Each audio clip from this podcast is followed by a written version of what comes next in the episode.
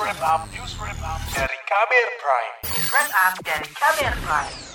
Sejumlah organisasi profesi mengkritik kegiatan pembelajaran tatap muka PTM 100% yang masih tetap berjalan meski kasus COVID-19 meningkat drastis selama beberapa pekan. Organisasi itu antara lain Ikatan Dokter Anak Indonesia atau IDAI dan Perhimpunan Dokter Paru Indonesia PDPI. Mereka mendesak pemerintah mengevaluasi kebijakan PTM 100%, terutama untuk anak usia di bawah 11 tahun. Alasannya, kepatuhan anak-anak usia 11 tahun ke bawah terhadap protokol kesehatan masih belum baik. Selain itu, pelaksanaan vaksinasi untuk anak masih terbatas dan belum merata ke seluruh daerah. Laporan dari beberapa negara, proporsi anak yang dirawat akibat infeksi COVID-19 varian Omikron lebih banyak dibandingkan varian-varian sebelumnya.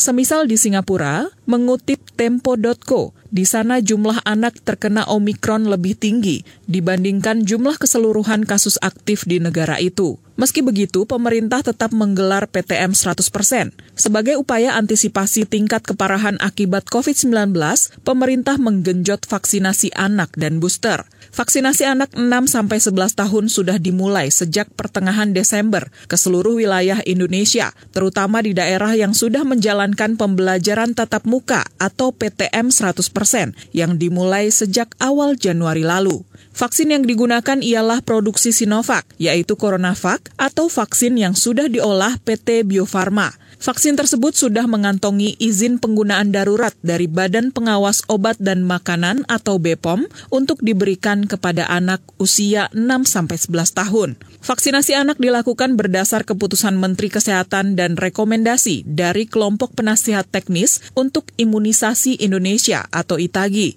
Ketua ITAGI Sri Rezeki Hadinegoro memberikan catatan untuk pelaksanaan vaksinasi anak 6-11 tahun imunisasi walaupun anak-anak ini masih mungkin juga kita takutkan ada efek samping ya. Tentu kita harus menyediakan sarana-sarana yang untuk menunjang Misalnya kita harus ada oksigen, ada tempat kalau dia misalnya pusing bisa tiduran e, di sekolah, mungkin ada peralatan atau obat-obatan yang diperlukan untuk emergency. Ketua Itagi Sri Rezeki Hadinegoro menambahkan, para orang tua juga perlu memberi dukungan serupa untuk mendorong percepatan vaksinasi COVID-19 untuk anak di Indonesia, yaitu dengan memberikan pengertian bahwa setiap anak perlu menerima vaksin agar terlindung dari penularan virus ini.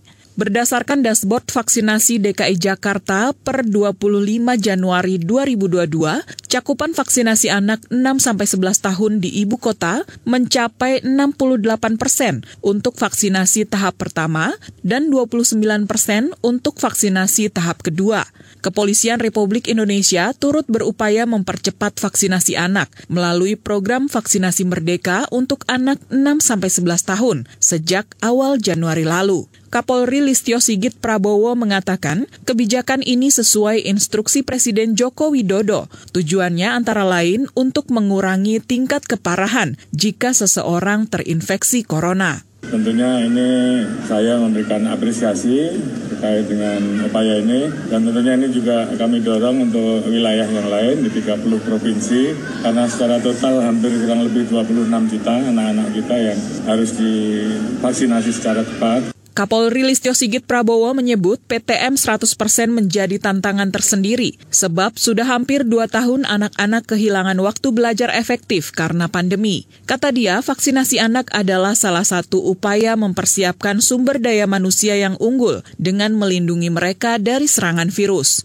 Namun, ahli epidemiologi dari Universitas Griffith Australia Diki Budiman meminta pemerintah berkaca pada kasus Omikron di negara lain, salah satunya Afrika Selatan. Kata dia, di sana kematian anak akibat varian Omikron dapat meningkat hingga dua kali lipat dalam kurun waktu satu bulan. Karena itu, kata dia, perlu pencegahan secepatnya, bukan bereaksi ketika dampak Omikron semakin memprihatinkan. Ada 780 kematian anak, atau dikira-ratakan tuh 35 kematian anak per bulan. Ini di Afrika Selatan. Nah, sejak Omikron itu kematiannya kalau dirata-ratakan 61 kematian anak per bulan karena Omikron. Sementara itu menurut ex-direktur Badan Kesehatan Dunia WHO Asia Tenggara, Chandra Yoga Aditama, anak-anak berpotensi mengalami komplikasi berat atau multisystem inflammatory in children associated with COVID-19 dan bahkan komplikasi long COVID-19. Demikian laporan khas KBR, saya Astri Yuwanasari. Kamu baru saja mendengarkan news wrap up dari KBR Prime. Dengarkan terus kbrprime.id, podcast for curious mind.